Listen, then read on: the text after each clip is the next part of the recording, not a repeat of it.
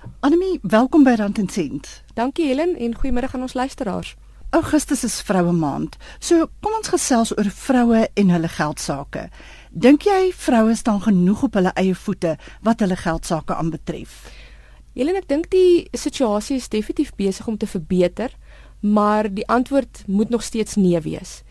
Ek sien dit veral in gevalle waar 'n gade doodgaan en waar die langslewende nie eers weet waar die dokumentasie um, is nie, weet nie waar 'n testament is of daar 'n testament is nie, uh kry nie polis dokumentasie in die hande nie. En so dan is dit vir my baie duidelik dat dat daai persoon nooit regtig insig gehad het in hulle finansies nie. Ek sien dit ook gereeld uh, in gevalle waar 'n gade miskien insolvent raak waar dit ook duidelik raak dat die vrou eers uitgevind het van finansiële probleme op 'n stadium waar dit heeltemal te laat was om iets omtrent dit te doen. En dan 'n laaste geval waar dit ook baie keer duidelik is dat ehm um, vrouens nie op hulle eie voete staan wat hulle geld sake betref nie, is by egskeidings waar vrouens of nie werk nie of 'n aansienlik kleiner salaris verdien en nooit in 'n posisie was om vir hulle self dan um, voorsiening te maak nie. Maar dit is vir my interessant dat vandag se vroue wat tog dikwels goed opgelei is en hulle eie loopbane volg, in baie gevalle nog steeds nie baie erg het aan geld sake nie en maar staat maak op daardie lewensmaat of wederhelf om dit te hanteer. Nou, jy het nou vir ons verskeie voorbeelde genoem, maar wat is die gevare daaraan verbonde om nie op jou eie voete te staan nie? Uh, ek dink dit is maar baie keer 'n geval van trots vir mans dat hulle nie vir hulle vrouens wil sê dat daar finansiële probleme is nie. Hulle voel hulle moet voorsien vir hulle familie en hulle gaan probeer om die situasie te red solank as moontlik. En die vrou aan die ander kant gaan heel waarskynlik nie daarvan hoef te weet nie. Mense kan baie keer dink maar hoe weet 'n vrou nie wat wat aangaan in die huishouding nie. Nou as jou man sy eie bankrekeninge het, sy eie kredietkaarte, ehm um, dan gaan jy nooit daarvan weet nie want jy het in die eerste plek nie 'n reg op insaak daai inligting nie. So die bank gaan nie vir jou as die gade bel nie, hulle gaan die man bel omdat jy nie nie veronderstel is om insaak tot dit te hê nie. So baie keer kan vrouens nie weet van dit nie omrede hulle nie geregtelik uh, toegang tot daai inligting het nie. Dit is definitief die gevaar dat jy uitvind van finansiële probleme wanneer dit heeltemal te laat is. Die ander gevare is dat polisse goed nie in stand gehou word nie in beleggings En veral wanneer daar finansiële probleme is, is dit die eerste ding wat geneig is om te gaan. Die man kan altyd argumenteer ons kan weer begin spaar, ons kan weer die die dekking in plek kry. As jy lewensdekking of risikodekking gestop het en daar gebeur iets, gaan dit nie uitbetaal nie. Met ander woorde, jy kan as vrou haweloos gelaat word. Absoluut. En veral as ek sê wanneer daar finansiële probleme is, is dit juis die stadium waar jy moet seker maak dat daar omgesien word na al daai spesifieke behoeftes. As iets gebeur met jou gade in in tye waar dit met julle finansiëel goed gaan, is dit een ding, dan kan jy dalk nog kop bo water hou. Maar as daar iets met 'n gade gebeur, sterf of permanent ongeskik raak of krities siek raak in 'n stadium waar jy al reeds finansiëel swaar kry, dan is daar geen manier hoe jy kop bo water gaan hou nie. So dis veral in daai tye waar dit belangrik is om polisse en beleggings in, in stand te probeer hou baie vroue voel 'n bietjie skuldig om hulle eie ding te doen. Hulle voel hulle moet alles saam met hulle lewensmaat of wederhelf doen. Ons is nou saam in hierdie ding en jy weet daardie soort van gedagte. Nou, is dit verkeerd om jou eie geld sake te hanteer onafhanklik van jou lewensmaat of wederhelf? Helen, dit is dis glad nie verkeerd nie. Ek dring aan daarop dat vrouens self beheer neem van dit. Ek kry gereeld dat mense vir my sê, "Maar ek vertrou my man." Dit is altyd 'n 'n vertroue kwessie. En dit het net mooi niks met vertroue uit te waai nie. As jou argument is ek wil nie my eie bankrekening hê nie of ek wil nie wet insaan my eie geld sake het nie as gevolg van vertroue, dan gaan 'n finansiële beplanner jou heel waarskynlik nie kan help en dan moet jy iemand anders gaan sien. Die ding is daar gebeur dinge in die lewe. Jy soos die ekonomie, einde 2008 begin 2009. Uh mense is afgedank uh het hulle werk verloor. Uh, mense sterf, mense raak kritiek siek. Dit is alles goed wat niks met vertroue uit te waai het nie, maar dit is alles goed wat 'n groot impak op jou lewe gaan hê. En die oomblik as iets 'n uh, impak op jou lewe het, raak dit jou en jy veronderstel om insaande te hê. Ons spot altyd so ek en 'n kollega sit nou eendag in gesels en my werkgewer kom in en sê skinder julle twee. En ek sê vir hom nee, as ons praat van ander mense skinder ons, as ons praat van onsself, dan skinder ons nie. Nou die beginsel is presies dieselfde hierso as as iets jou raak, is jy geregtig op insaand dit en as jy veronderstel om beheer daarvan te neem. Wat behels dit as 'n vrou beheer neem van haar geld sake? Is daar sekere stappe wat sy kan volg? Daar's definitief stappe wat sy kan volg. Eerste ding is om eerstens te begin en te sit en vir jouself te vra, maar wat het ons in plek? Is daar polisse in plek? Is daar 'n testament in plek? Is daar beleggings in plek? Baie vrouens het geen idee as jy nou vir hulle vra, hoeveel lewensdekking het jy of hoeveel ongeskiktheidsdekking of hoeveel dekking het jou man dalk? Hulle het geen konsep van dit nie. So in die eerste plek weet hulle nie wat hulle het nie. Dan in die tweede plek is dit belangrik dat sodra jy weet dit is wat ons het, moet jy vir jouself gaan vra, maar wat is dit wat ons eintlik nodig het? En daar verskil dit. Ek lag altyd so, daar's 'n advertensie op televisie, so tekenprentjie van 'n versekeraar, dan sê hulle van ek dink dit is 3 miljoen rand se dekking, dan wys hulle die prentjie van die vrou en die twee kindertjies dan sê hulle met die 3 miljoen rand se dekking kan die vrou die huis afbetaal, die kinders kan universiteit toe gaan en dan eindig hulle af en sê en die vrou en kinders kan op 'n welverdiende vakansie gaan en dan is daar nou so 'n teken van palmboompies. En my man spot altyd en sê sien jy daai palmboompies? Agter daai palmboompies skryp daai vrou se skelmpie weg. En uh, hy sê dit is dit is net soos jy. Dit is presies jy. En ek het vir hom die eendag gesê ek sê weet jy dit is glad nie ek nie. Want as dit ek was het ek nie 3 miljoen rand se dekking uitgeneem nie. Ek het 30 miljoen rand se dekking uitgeneem. Want mense het nie 'n konsep van wat hulle nodig het in die lewe nie. Ek het nou sommer hele net vir interessantheid vinnige berekeningkie gaan doen net om vir mense te wys wat 'n wanpersepsie daar bestaan van wat 'n mens eintlik nodig het om aan basiese behoeftes te voldoen. Nou ek het my eie familie gevat. Ons is 'n man en 'n vrou, 2 2.4 kinders, so 'n heel gemiddelde familie. Ons kry gemiddelde inkomste en uh, ons het gewerk op of ek het gewerk op omtrent 800 000 se verbandskuld nog 'n addisionele 200 000 vir voertuie en dan het ek gesê dat as my man iets sou oorkom, wil ek graag 20 000 rand 'n maand vir die volgende 20 jaar hê omdat my kindertjies nou nog klein is, so weet ek moet ten minste voorsiening maak tot hulle uit die huis uit uitkom. Dit is glad nie buitensporige bedrae nie en as mens gaan uitwerk na wat ek dan sal nodig hê om my skuld te betaal en daai inkomste te voorsien, is dit 4.5 miljoen rand wat aansienlik meer is as wat 'n mens dink gaan nodig wees vir iemand wat eintlik nie 'n buitensporige inkomste gaan nodig hê nie. Bedoel jy ek jy het 'n 4.5 miljoen rand belegging nodig om 'n inkomste daaruit te kry? Of dan nou of dan nou lewensdekking. Of um, lewensdekking. Ja, so iewers gaan jy kapitaal te, ter waarde van 5.5 miljoen nodig hê. So of dit gaan beteken jy gaan bates gaan moet verkoop om vir jou daai geld te gee of jy gaan bestaande beleggings moet hê of natuurlik lewensdekking of ongeskiktheidsdekking wat sou uitbetaal om vir jou daai bedrag te gee waarmee jy dan dan oor die weg kom. Jy luister na Rand en Sent op RSG 100 tot 104 FM, jou program waar ons meer leer oor persoonlike finansies en ons praat met Anemie Niman van PSG Consult oor vroue en hulle geld sake. Ek is Helen Ukerman. Anemie, wat van jou eie bankrekening? Ek uh, kry dit gereeld veral waar gades binne gemeenskap van goed getroud is uh waar hulle buitegemeenskap van goed getroud is, dink ek die meeste mense het nou al die punt bereik waar waar elkeen darm sy eie bankrekening het waar waar die salarisse in goed dan inbetaal word. Maar veral by by huwelike binne gemeenskap van goedere. En dit skep 'n enorme probleem want wanneer een van die gades te sterwe kom, word daai bankrekening outomaties gevries.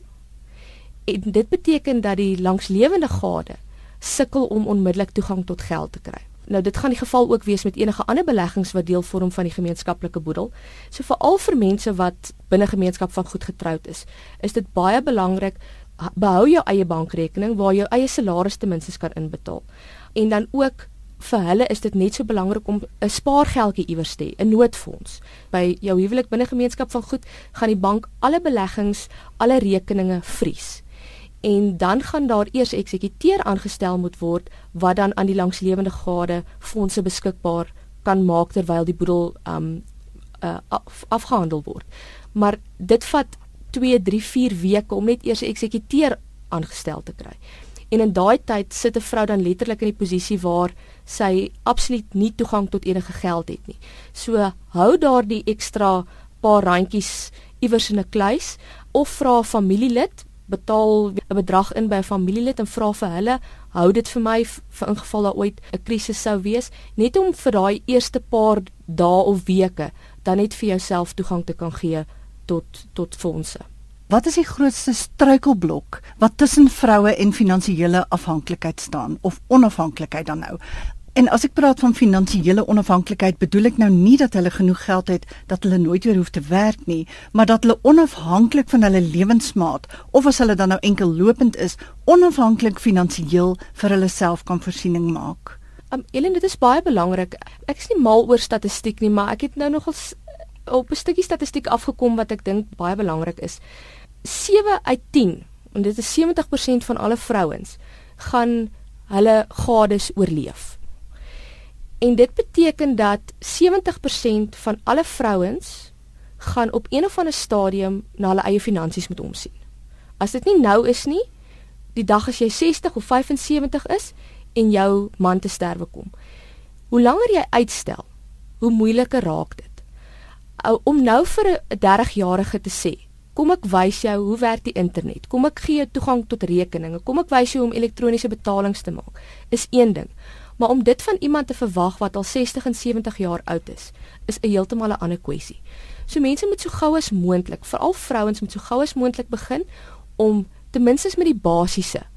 En soos jy genoem het, finansiële onafhanklikheid beteken nie dat jy heeltemal nooit weer hoef te werk nie. Dit beteken net dat jy beheer het oor jou eie geld sake. As iets gebeur, weet jy waar om betalings te maak. Jy weet waar om inligting in die hande te kry. Jy weet ten minste watter beleggings jy alreeds het. Baie belangrik finansiële onafhanklikheid beteken om te weet dat as iets met 'n gade sou gebeur, dat jy voorgesorg sal word. Jy kan finansiëel onafhanklik wees en glad nie 'n salaris verdien nie.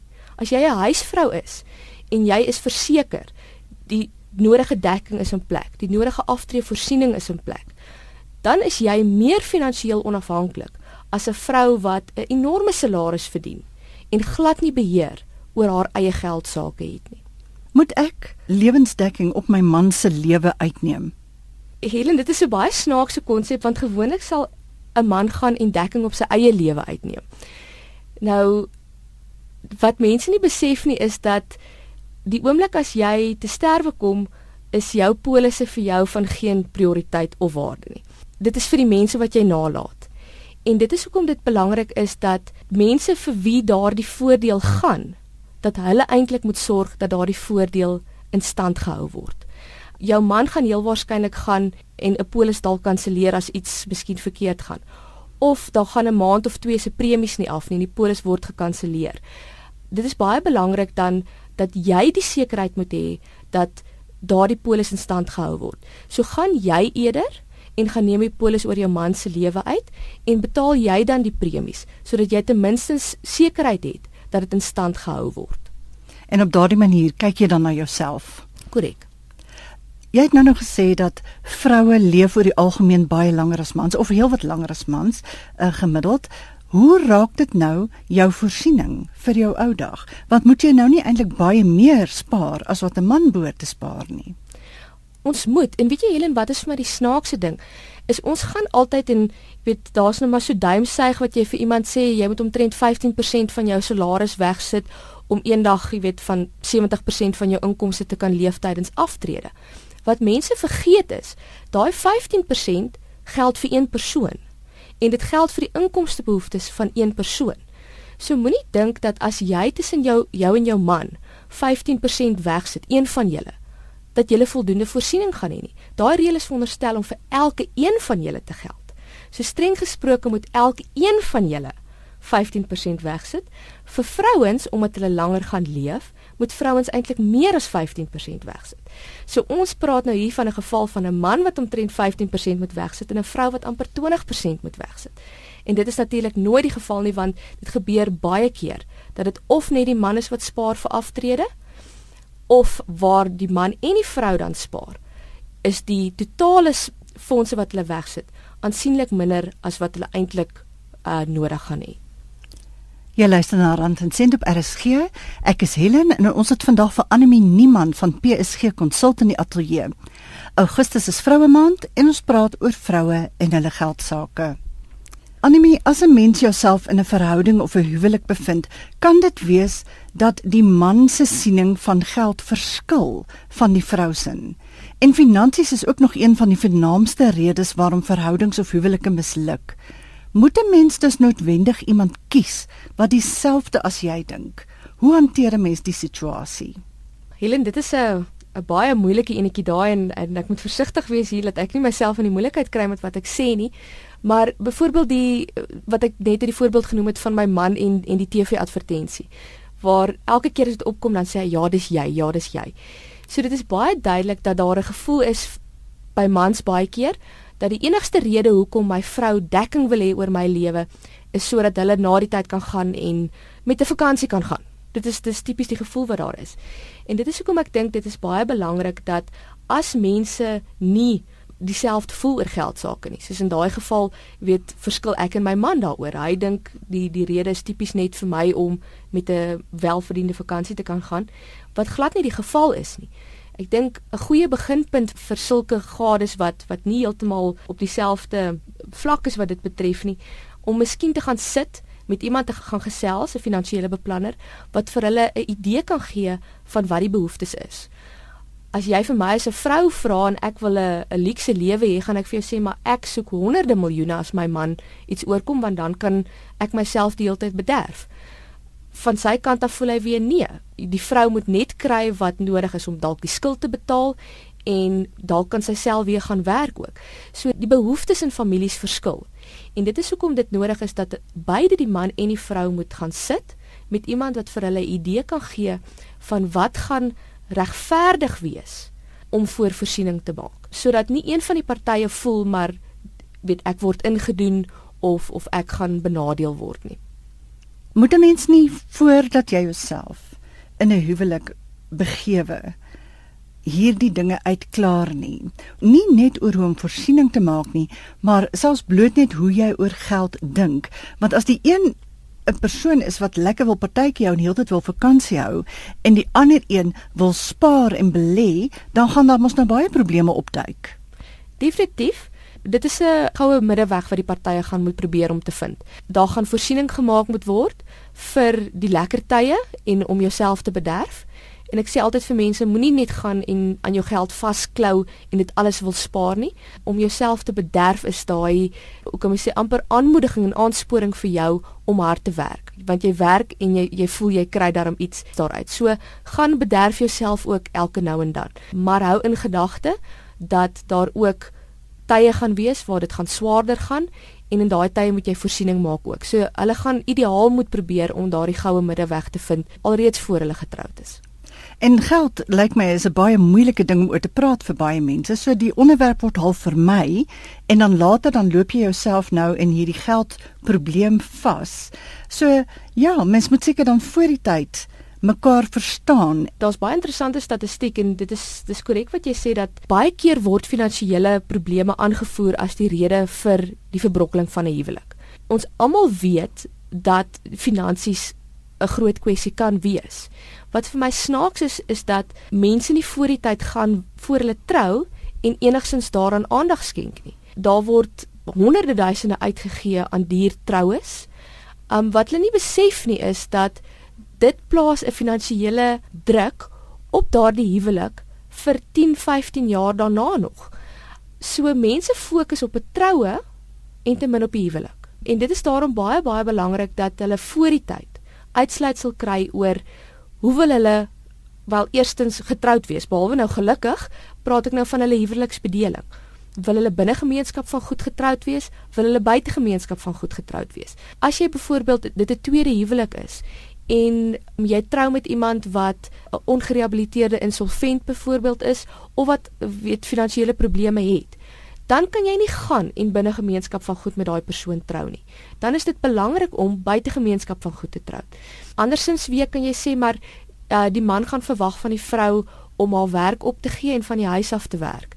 Sy gaan dus nooit die geleentheid hê om vir haarself iets op te bou nie want sy gaan by die huis bly na die kinders kyk Vir daai tipe familie sal dit weer beter wees om te sê laat hulle trou buite gemeenskap van goedere met die aanwasbedeling. Want dan gaan die vrou deel in enige groei wat die man se se boedel toon wat nou weer vir hulle regverdig is. So daai besluite oor watter huweliksbedeling jy wil wil sluit, gaan jy net kan neem as jy vooraf alreeds 'n goeie idee het van wat tussen julle finansies aangaan.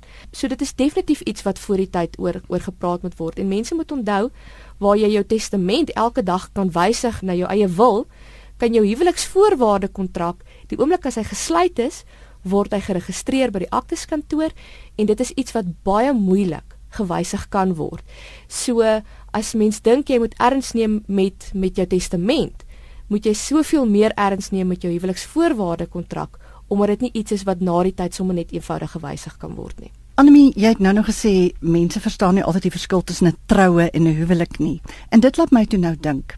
Sê nou maar, jy beplan nou aan jou troue. Maar jy gaan R10000 spaar. Jy het R10000 beskikbaar, maar jy besluit jy gaan dit eerder spaar as om dit te bestee op daai troukoek en die rok en al die baie gaste.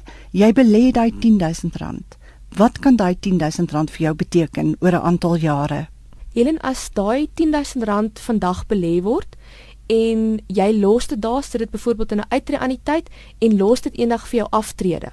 So ons sê jy trou op 25, jy tree af op 65 en die meeste mense kan in elk geval nie bekostig om voor 65 af te tree nie.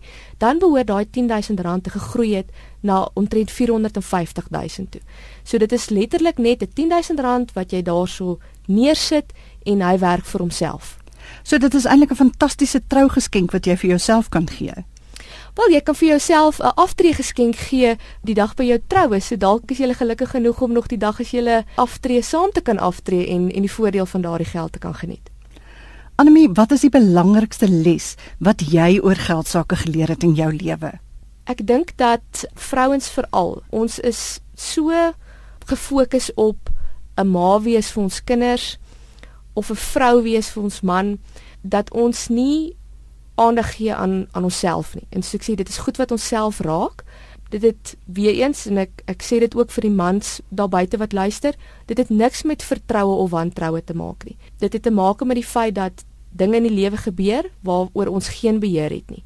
En dit is net om jouself in 'n posisie te plaas dat wanneer een van daai goed gebeur, dat jy kan weet ek gaan alright wees. Nie skatryk nie, maar ook nie in 'n posisie waar jy nie kop bo water gaan kan hou en nie vir jouself en jou familie gaan kan sorg nie.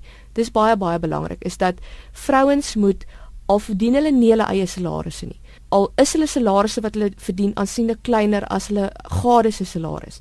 Dit is nie die punt nie. Die punt is dra kennis van wat aangaan. Sorg dat tussen die twee van julle julle goed in plek kry wat maak dat daar gesorg gaan word vir julle en julle familie as iets sou gebeur dit kan natuurlik aan die ander kant ook gaan. Mense kan nou sê maar, um, dis altyd net die man wat te sterwe kom, die vrou kan ook te sterwe kom. Watter posisie gaan jou kleinkindertjies in wees as jy iets oorkom? As jy 'n huisvrou is, dan gaan jou man ewe skielik besef wat jou waarde is, want hy gaan iemand anders moet kry om die huiswerk te doen. Hy gaan iemand anders moet kry om die kinders rond te ry. Dit gaan beide kante toe. En die boodskap wat ek net aan die luisteraars wil wil bybring is dat hulle moet bewus wees van watter impak dit in hulle lewe gaan hê as daar iets met enige een van hulle sou gebeur. En waar kan vroue meer leer oor geld sake en hoe om dit te bestuur? Die internet deesdae is vol van inligting vir die ouer gardes wat dalk nie so gemaklik voel nie. Sou ek sê gaan praat eerder met iemand wat vir jou dit kan verduidelik. Vir die wat wat hou van lees of so kan ook dan vir hulle self boeke en tydskrifte aanskaf waar hulle ook die inligting um, in die hande kan kry. Dit was dan Anemie Niemann van PSG Consult oor vroue en hulle geld sake. Baie dankie Anemie. Dankie Helen en goeiemiddag aan die luisteraars. Soos gewoonlik gou die volgende, jy kan my volg op Twitter by @HelenUckerman of op Facebook by Rand en Sent Helen Uckerman en hierdie program kan in MP3 formaat afgelaai word van RSG se webwerf rsg.co.za. Geniet die res van die Sondag. Dit is Helen Ukerman wat groet. Ons praat weer volgende week.